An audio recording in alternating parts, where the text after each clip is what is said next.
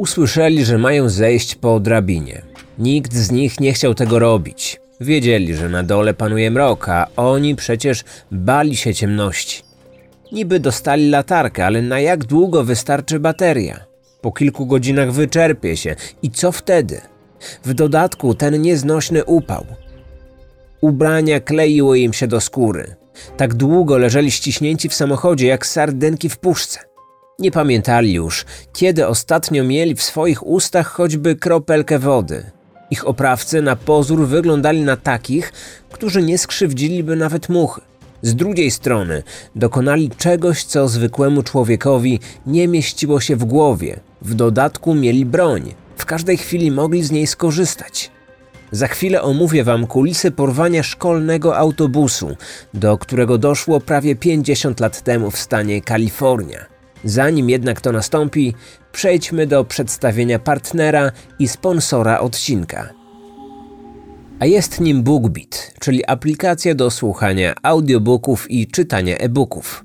Na pewno doskonale wiecie, jak ważne w rozwiązywaniu śledztw może być profilowanie. Psycholog kryminalny na podstawie analizy miejsca zdarzenia potrafi wyciągnąć wnioski, które później pomogą policji. Oczywiście nie poda im na tacy imienia i nazwiska poszukiwanego, ale jest w stanie zawęzić krąg poszukiwań na przykład do osób w konkretnym przedziale wiekowym lub charakterystycznych cech zachowania i skłonności zabójcy. Dlaczego o tym wspominam? Ponieważ w BookBeat możecie odsłuchać książki autorstwa naszego najpopularniejszego polskiego profilera. Chodzi o Umysł Przestępcy, gdzie Jan Gołębiowski opisał najciekawsze sprawy, z którymi się mierzył. W książce nie brakuje także teorii i informacji o historii profilowania. Serdecznie polecam te pozycje. Nowi użytkownicy mogą zarejestrować się na BookBeat z moim kodem promocyjnym Kryminatorium. Teraz wyjątkowo dzięki temu otrzymacie za darmo 30 godzin słuchania przez okres aż 45 dni. Oferta obowiązywać będzie tylko do 10 września. Informacje związane z rejestracją na BookBeat znajdziecie w opisie odcinka. Kryminatorium. Otwieramy akta tajemnic. Chowchilla jest dziś uznawana za spokojną miejscowość w stanie Kalifornia. Obecnie zamieszkuje ją prawie 19 tysięcy osób. Choć miasteczko uchodzi za raczej bezpieczne, to znajdują się tam dwa zakłady karne. Jakby tego było mało, to szczególnie głośno o nim zrobiło się w latach 70., kiedy doszło tam do wstrząsającego przestępstwa. Dziś mówi się, że było to największe masowe porwanie w historii Stanów Zjednoczonych. O co chodzi? Aby poznać tę historię, musimy cofnąć się do lipca 1976 roku. Z uwagi na śródziemnomorski klimat, latem jest tam bardzo upalnie i sucho. W wakacje zorganizowano zajęcia w szkole podstawowej, znanej pod nazwą Dairyland. Uważano, że to idealne rozwiązanie na aktywne i produktywne spędzanie czasu. Rano prowadzono zajęcia, a po południu zabierano dzieci na basen, by chociaż na chwilę je orzeźwiło. Szkoła zatrudniła kilku kierowców, którzy zawozili dzieciaki do pobliskiej pływalni z powrotem. Jednym z nich był Frank Edward Ray. Jednak większość osób, nawet uczniowie, nazywali go po prostu Edem. Miał 55 lat i oprócz pracy w szkole zajmował się też własnym gospodarstwem rolnym. Swój dzień jako kierowca zaczynał zazwyczaj koło 7.30. Tak też stało się w czwartek, 15 lipca. Dzieci jak zwykle po południu bawiły się na basenie. Zazwyczaj mieszano ze sobą grupy. Wśród nich zarówno przedszkolaki, jak i młodzież wchodząca w etap dorastania. Przedział wiekowy wynosił od 5 do 14 lat. Tamtego dnia trzy autobusy zawiozły je do pływalni około 13. Grupy liczyły mniej więcej po 30 dzieciaków. Po godzinie 15.30 Ed pojechał po 31 osób. Uczniowie dobrze go znali i lubili. On również darzył ich sympatią, ale wzbudzał również respekt. Mężczyzna wiedział, jak radzić sobie z brakiem dyscypliny wśród najmłodszych. Zawsze zwracał im uwagę i zostawiał dla rodziców notkę o niewłaściwym zachowaniu ich dzieci. Wyruszyli o 15.45. W trakcie drogi panowała przyjazna atmosfera. Uczniowie rozmawiali ze sobą, śmiali się i nucili piosenki. Starsze z nich miały oko na młodszych. O 15.50 Ed zatrzymał autobus przed domem jednego z uczniów, pięcioletniego Edwarda. Pięć minut później przyszła kolej na wysiadkę trójki rodzeństwa Nancy, Debbie i Milesa. Następnie była siedmioletnia Susan. Na swoją kolej czekała też Lisa. Dziewczynka chciała wstać już z siedzenia, bo Ed w końcu się zatrzymał. Kiedy spojrzała w szybę, była nieco zdumiona. Stali w jakimś nieznanym miejscu, daleko od jej domu.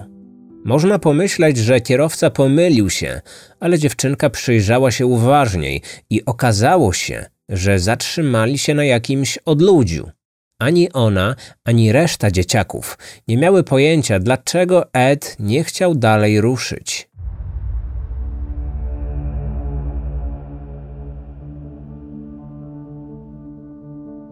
Dzieci na szczęście początkowo nie widziały tego, co dostrzegł Ed. Mężczyzna nie mógł uwierzyć własnym oczom. Początkowo wziął to za jakiś głupi żart, ale coś mu podpowiadało, że sprawa jest nieco poważniejsza. Bał się nie o siebie, ale o dwadzieścioro sześcioro dzieciaków siedzących za nim. Jakiś samochód torował mu drogę. Zauważył, że to biały van. Ze środka wysiadło dwóch mężczyzn. Nie widział ich twarzy, gdyż mieli na nich nylonowe rajstopy. Każdy z nich trzymał w dłoni broń. Kierowcy wydawało się, że jeden z nich był uzbrojony w zabawkowy pistolet. Odetchnął nieco, ale uczucie ulgi szybko minęło, bo spojrzał na drugiego. Jego broń na pewno wyglądała na prawdziwą. Ta lufa i drewniana kolba nie mogły służyć do zabawy. Jeden z nich w końcu podszedł do szyby od mojej strony. Zapukał i zaczął mówić. Chciał, żebym otworzył mu drzwi, by on i jego wspólnik mogli wejść do środka. Powiedział do mnie proszę. Mówił bardzo spokojnie i grzecznie. Byłem tym zaskoczony. Po jego głosie poznałem, że to młody facet. Ed nie chciał ryzykować życiem dzieci. Ci ludzie mieli broń i mogli jej użyć, gdyby po dobroci nie otworzył im drzwi. Mężczyzna miał w głowie różne potencjalne scenariusze. Zaczną strzelać w szybę autobusu i poważnie ranią dzieci albo przedziurawią opony, uniemożliwiając im ucieczkę. Gdyby był sam, postąpiłby inaczej, ale będąc odpowiedzialnym za grupę uczniów, musiał myśleć racjonalnie. Dlatego wpuścił tych dwóch napastników do środka. Kiedy mężczyźni weszli, kazali dzieciom siedzącym z przodu przenieść się na tył autobusu. Reakcje uczniów były przeróżne. Niektórzy zaczęli się śmiać, uznali, że całe zajście jest dowcipem. Inni, zwłaszcza ci młodsi, płakali i szlochali. Chcieli jak najszybciej wrócić do domu i znaleźć się w ramionach rodziców. Nie wiedzieli, co się dzieje, ale bali się, że ci dwaj uzbrojeni panowie mogą zrobić im krzywdę. Jeden z mężczyzn kazał Edowi opuścić miejsce kierowcy, a on nie miał zamiaru protestować. Usiadł posłusznie z tyłu. Drugi z napastników przystawił mu do głowy broń, by ten nie wpadł na żaden szalony pomysł. Ed siedział spokojnie i w duchu modlił się, aby jak najszybciej ten koszmar się skończył. Z minuty na minutę wśród dzieciaków panowała coraz większa panika. Niektóre z nich w dalszym ciągu myślały, że to tylko żart i zabawa, ale strach i przerażenie jednych udzielały się innym. 55-latek nie mógł znieść ich płaczu. Przeczuwał, że jakakolwiek próba opanowania sytuacji skończyłaby się źle. On nie był uzbrojony, a dwóch porywaczy tak. Ed miał nadzieję, że inni zorientują się, że w autobusie dzieje się coś złego. Może rodzic czekający, aż jego dziecko wysiądzie, zauważy, że za kierownicą siedzi nieznany mężczyzna. Może zaalarmuje kogoś fakt, że autobus nie zatrzymał się na wyznaczonym przystanku. Jednak nic takiego się nie stało. W pewnym momencie autobus skręcił w ślepy zaułek. Przez chwilę jechali nieznaną drogą i w końcu się zatrzymali. Mężczyźni kazali wszystkim wyjść na zewnątrz. Uczniowie oraz kierowca bez słowa posłuchali. Każdy był przerażony, więc nikt nawet nie próbował uciec. Wtedy okazało się, że tak naprawdę w zdarzeniu uczestniczyło trzech mężczyzn. Ten trzeci podążał cały czas za autobusem, prowadząc wana. Na miejscu stały dwa podobne auta. Jeden biały, drugi zielony. W pierwszym z nich zmieściło się 12 dzieci, reszta weszła do zielonego samochodu, włącznie z kierowcą. Tylne szyby były zamalowane czarną farbą. Kiedy zamknięto drzwi i bagażnik, w środku zapanowała kompletna ciemność. Ponadto było duszno.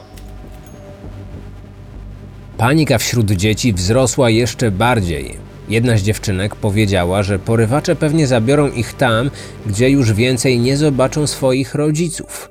Można się spodziewać, jakie reakcje to wywołało. Najmłodsze, które były w samochodzie, razem z Edem dopytywały, kiedy będą mogły skorzystać z toalety, lub skarżyły się, że są głodne. Mężczyzna nie wiedział, co ma im odpowiedzieć. Ich podróż trwała długo. Co jakiś czas się zatrzymywali, a porywacze pytali, czy wszystko w porządku. W końcu silnik zgasł i po upływie paru minut nikt go nie uruchomił. Porwani mieli nadzieję, że w końcu wyjdą na zewnątrz. Zegarek na ręce Eda wskazywał trzecią trzydzieści nad ranem. Minęło już ponad 11 godzin od chwili uprowadzenia. Robiło się coraz cieplej i niektórym brakowało powietrza. Porywacze nie wypuścili od razu swoich ofiar. Wysiedli z aut i wrócili dopiero po godzinie. Trzech mężczyzn wywiozło grupę dzieci i kierowcę do kamieniołomów w Livermore, 150 km od Chowchili. Gdy wysiedliśmy, zobaczyliśmy dziwny widok. Była tam ciężarówka, którą ktoś zakopał pod ziemią, tak że częściowo z niej wystawała. Bandyci kazali mi zdjąć spodnie i buty. Musiałem powiedzieć im, jak się nazywam oraz ile mam lat. Następnie kazali mi zejść przez otwarte okno po drabinie do środka tej ciężarówki.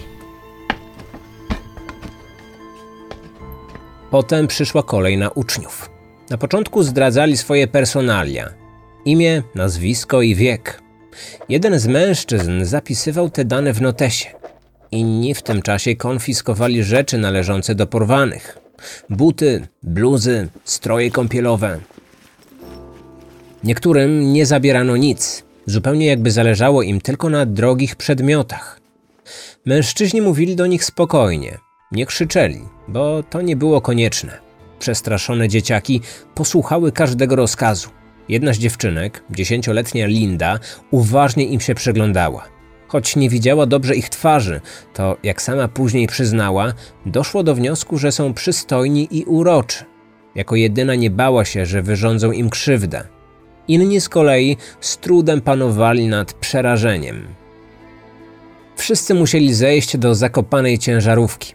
Ed dostał latarkę i baterię, więc mieli odrobinę światła. Na dole wyłożono materace i zostawiono wodę oraz jedzenie. Oprawcy zamknęli ich tam. Zanim to zrobili, któreś z dzieciaków krzyknęło i zapytało, kiedy w końcu wrócą do domu. Jeden z porywaczy powiedział wtedy, że będą tam do jutra. Inny dodał, że niebawem wrócą i ich wypuszczą. W międzyczasie rodzice obawiali się o życie swoich dzieci. Kiedy ich pociechy nie wróciły do domu, większość matek i ojców skontaktowała się z dyrektorem szkoły. Przełożony początkowo myślał, że albo wydarzył się jakiś wypadek, albo autobus uległ uszkodzeniu. Bardziej skłaniał się do tej drugiej opcji. To były lata 70., czasy bez telefonów komórkowych. W przypadku jakiegoś nagłego incydentu kierowca nie miałby nawet możliwości zadzwonienia i zawiadomienia odpowiednich służb. Musiał liczyć na to, że przejeżdżający obok przypadkowo kierowca udzieliłby mu pomocy. Dyrektor postanowił wsiąść do samochodu i przejechać trasę, którą kierowca zazwyczaj woził dzieci ze szkoły do pływalni. Znał ją doskonale. Był pewien, że po drodze natrafi na zepsuty autobus szkolny, a jego pasażerowie będą cali i zdrowi. Jednak nigdzie ich nie zauważył. Postanowił pojechać jeszcze raz, choć uważał, że to niemożliwe, by przeoczył coś za pierwszym razem. Chciał mieć pewność. Nic to jednak nie dało. Tuż przed godziną 18 zawiadomiono policję. Ustalono, że pięcioro dzieci wróciło do swoich domów. Pozostałe 26 osób oraz kierowca zaginęli. Zaczęto się zastanawiać, co takiego się wydarzyło. Czy doszło do wypadku? Gdyby tak się stało, to na trasie z pływalni do szkoły odnaleziono by autobus oraz pasażerów. Nie było jednak żadnego śladu, co oznaczało, że kierowca musiał zboczyć z dobrze znanej mu drogi. Poszukiwanie rozszerzono i kilka godzin później zabezpieczono porzucony autobus. Oględziny wykazały, że to ten sam pojazd, który wcześniej prowadził Ed Ray. W środku nie było nikogo i nic nie wskazywało na jakąkolwiek usterkę w pojeździe, uniemożliwiającą dalszą jazdę. Wtedy w głowach policjantów zaświeciła myśl. Doszło do masowego porwania. Wiedzieli, że to sprawa na wielką skalę i że nie poradzą sobie z nią sami. Dlatego powiadomiono FBI. Agenci federalni przyłączyli się do sprawy, która z miejsca stała się dla nich priorytetem. Wszystko wskazywało na to, że to najbardziej prawdopodobny scenariusz. Eda uznano za jedną z ofiar, nie za porywacza. Nie miał motywu. Od wielu lat mieszkał w tej miejscowości, znano go tam i lubiano. Sam niegdyś ukończył jedną z miejscowych szkół. Podejrzewano, że ktoś inny tego dokonał i raczej nie działał w pojedynkę. Zdaniem agentów, sprawców musiało być więcej. Ludzie powtarzali przeróżne teorie związane z tym, co mogło się wydarzyć. Jedni rodzice mówili o terrorystach, którzy pewnie będą żądać okupu. Inni zaś wierzyli, że to sprawka seryjnego mordercy. Bali się, że okryty złą sławą Zodiak powrócił. Kilka lat wcześniej na policję zadzwonił mężczyzna, który twierdził, że jest Zodiakiem. Opowiadał m.in. o tym, że chciałby dokonać ataku na szkolny autobus. Mówił wtedy konkretnie o podłożeniu bomby. Choć minęły lata od tego telefonu i sposób działania nie do końca się zgadzał, teoria, że za wszystkim stał sam Zodiak, wydawała się jak najbardziej możliwa.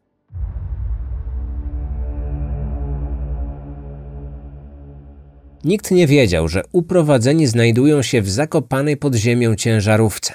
Jedzenie i woda dość szybko się wyczerpały. Panował okropny upał, a oni oddaliby wszystko, aby nieco się ochłodzić.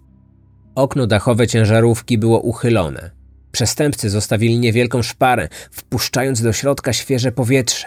Ale i tak niektórym trudno się oddychało, zwłaszcza biorąc pod uwagę nerwy i stres.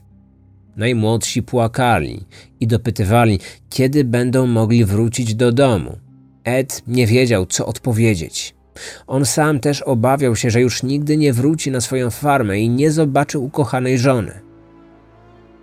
W dodatku, po pewnym czasie wyczerpały się baterie w latarce. Wzrosło poczucie klaustrofobii. Kierowca wiedział, że musi coś zrobić. Siedzieli już tak 16 godzin. Na szczęście starsi uczniowie starali się zachować zimną krew i nie panikować.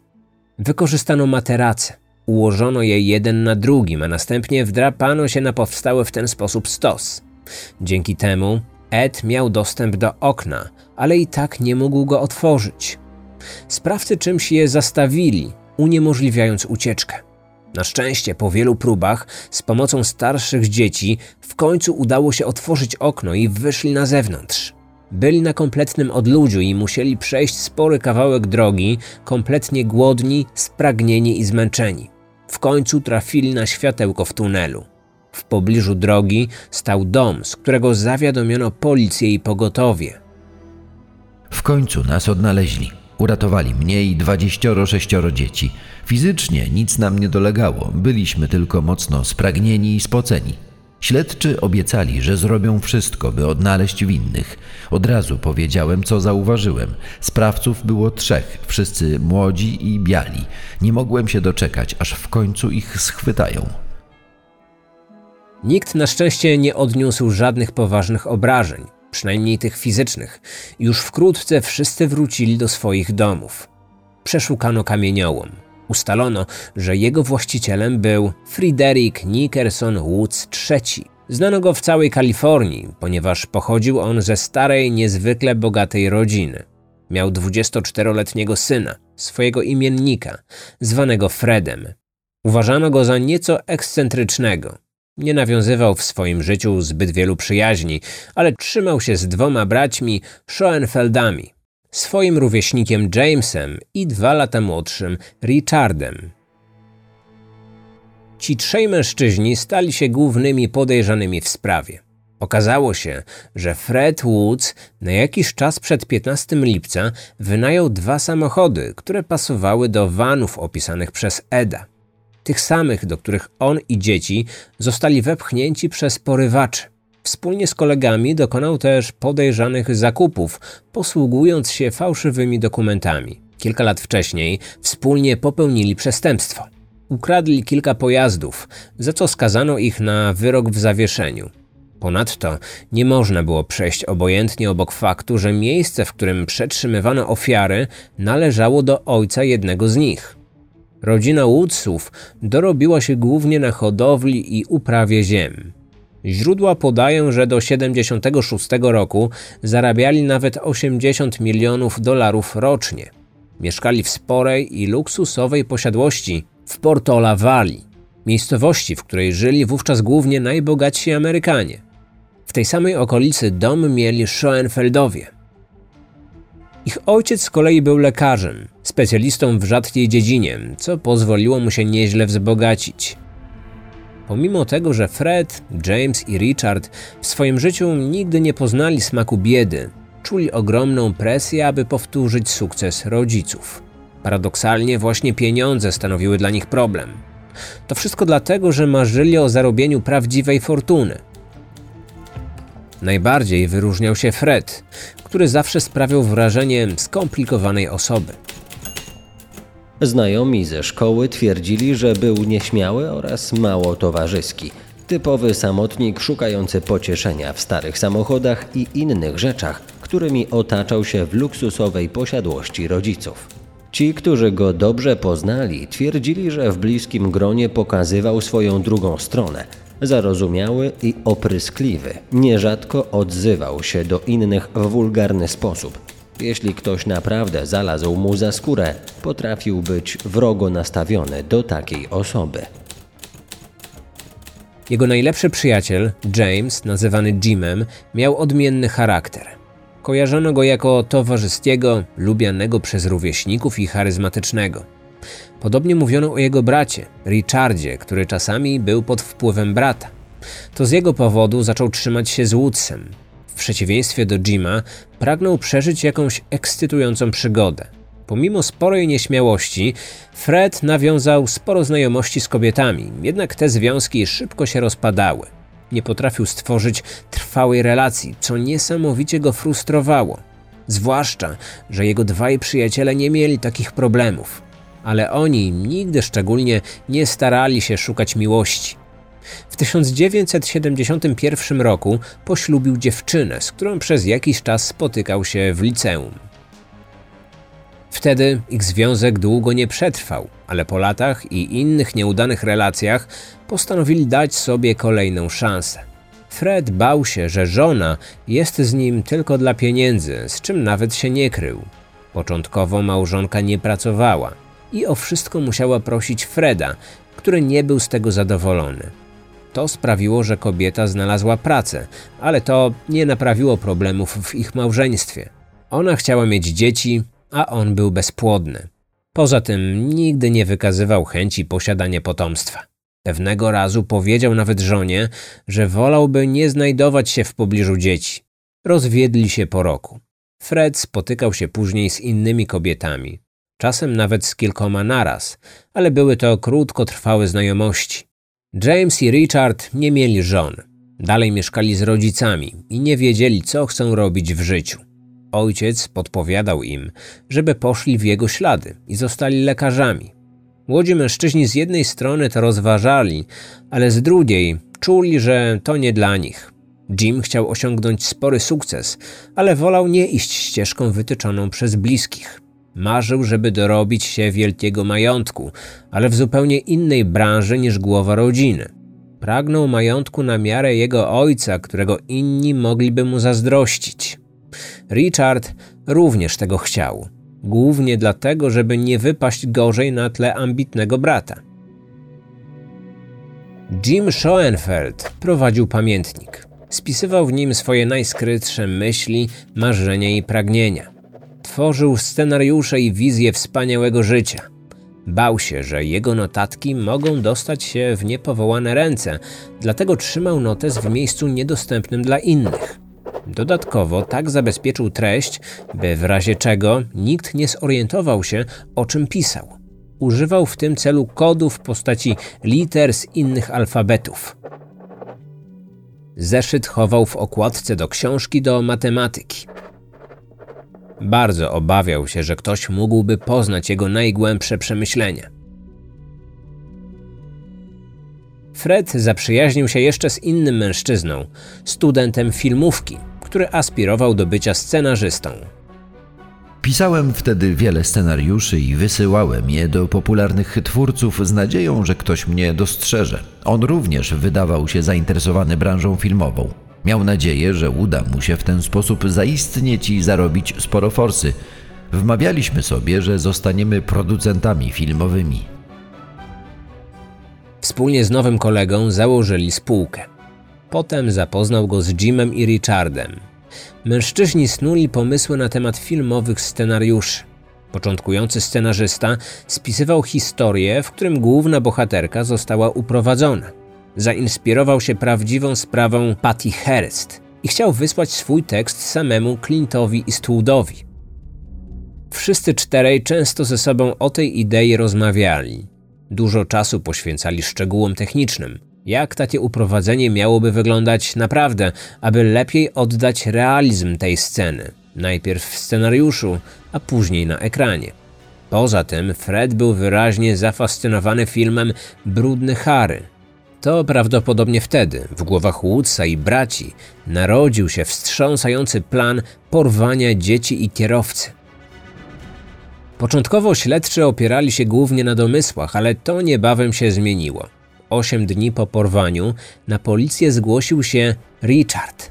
22-latek przyznał, że działając wspólnie z bratem i przyjacielem, porwał szkolny autobus. Kilka dni później w Kalifornii policjanci schwytali Jima. Jeszcze tego samego dnia do aresztu trafił Fred, któremu udało się zbiec do Kanady. Ci dwaj, podobnie jak Richard, nie zaprzeczali swojej winie.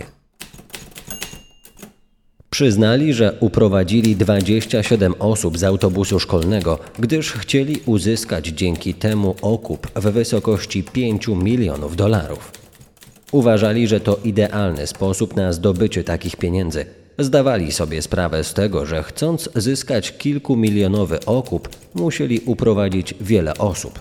Dzieci wydały im się idealnymi ofiarami, bo dorośli byliby w stanie zrobić niemal wszystko, by ocalić swoje życie. Przygotowanie rozpoczęli ponad rok wcześniej. Początkowo zastanawiali się nad miejscem, które powinni wybrać i myśleli o kopalni należącej do Woodsów. Później doszli do wniosku, że oni sami mieliby problem z dotarciem do tego miejsca. Zaczęli więc rozglądać się za inną lokalizacją. W końcu wytypowali ostateczne miejsce w kamieniołomie. Na ofiary wybrano dzieci ze szkoły.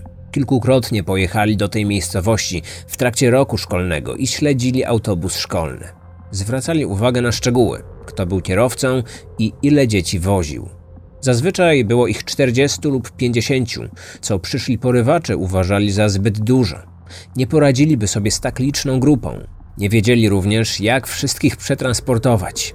Wtedy narodziła się myśl, by zaczekać do wakacji i uprowadzić uczniów ze szkoły letniej, do której uczęszczało znacznie mniej osób, co wydawało się już bardziej osiągalne. Zdobyli fałszywe dokumenty, którym posługiwali się w trakcie dokonywania zakupów. Kupili m.in. ciężarówkę, którą pod koniec 75 roku zakopali oraz wyłożyli w środku materacami. Jim większość opracowanego planu zanotował w swoim pamiętniku. Miejsce, autobus i samolot. Trzy wany zostaną użyte do przetransportowania dzieci. Dwa z nich będą zaparkowane w ukrytym miejscu. Trzeci zostanie wykorzystany do naszego dostania się w miejsce porwania. Mój młodszy brat i przyjaciel wejdą do środka autobusu. Brat obezwładni kierowcę przy użyciu chloroformu, a drugi poprowadzi pojazd. Na miejscu jeden z nich będzie go pilnować, a inny zaprowadzi zakładników do samochodów. Tam będę czekać ja, uważać, by żadne dziecko nie uciekło, policzyć je wszystkie. Początkowo plany mężczyzn były bardziej zaawansowane i śmiałe. Chcieli uprowadzić samolot i pilota, co miało im pozwolić na ucieczkę po zdobyciu okupu. Później zmienili zdanie, ale nie wzięli pod uwagę, że ich zakładnicy znajdą w sobie wolę walki. Porywacze nie zdążyli nawet skontaktować się z rodzinami ofiar, nie udało im się też wrócić do miejsca przetrzymywania porwanych osób. O tym, że uprowadzeni opuścili ciężarówkę, dowiedzieli się z mediów. W 1977 roku mężczyźni stanęli przed sądem. Przyznali się do porwania. Liczyli, że dzięki temu dostaną łagodny wyrok. Ich rodziny również miały taką nadzieję. Była to głośna sprawa, która nadszarpnęła wizerunek dwóch wpływowych rodzin. Nie spodziewano się, że dzieci bogaczy dopuszczą się takiego czynu dla pieniędzy, których ich bliscy mieli przecież pod dostatkiem. Mężczyzn oskarżono też o dokonanie uszczerbku na zdrowiu zakładników. Temu akurat zaprzeczali. Skazano ich na dożywotnie pozbawienie wolności, bez możliwości przedterminowego warunkowego zwolnienia. Obrońcy złożyli apelację i sprawa została ponownie rozpatrzona. Nie było wątpliwości co do porwania, ale sąd drugiej instancji zakwestionował spowodowanie przez oskarżonych poważnego uszczerbku na zdrowiu zakładników. Dożywocie podtrzymano, ale skazańcom dano szansę na przedterminowe zwolnienie pod warunkiem dobrego sprawowania. Dziś cała trójka jest już na wolności. W 2012 roku wyszedł Richard, trzy lata później James. Okazało się, że po latach mężczyźni skontaktowali się z niektórymi ofiarami. Przeprosili i wyrazili skruchę. Najdłużej siedział Fred. On stał się wolnym człowiekiem dopiero w sierpniu 2022 roku. Dzieciaki, które zostały porwane w lipcu 76 roku, dziś są dorosłymi ludźmi. Wychowali już własne dzieci, ale nigdy nie zapomnieli o tym, co się wydarzyło przed laty. Wielu z nich wciąż mierzy się z traumą. U niektórych skończyło się na atakach paniki i nocnych koszmarach. Inni doświadczyli znacznie poważniejszych konsekwencji, takich jak choroby psychiczne, zmiany osobowości czy uzależnienia. Ed Ray, pomimo że przeżył najgorsze chwile w swoim życiu, po tych tragicznych wydarzeniach nie porzucił pracy jako kierowca szkolnego autobusu. Woził dzieciaki aż do swojej emerytury. W oczach mieszkańców został bohaterem. To jemu zawdzięczano uratowanie uczniów. Zmarł w 2012, tym samym roku, w którym jeden z oprawców opuścił więzienie, ale bohaterski kierowca tego dnia już nie dożył.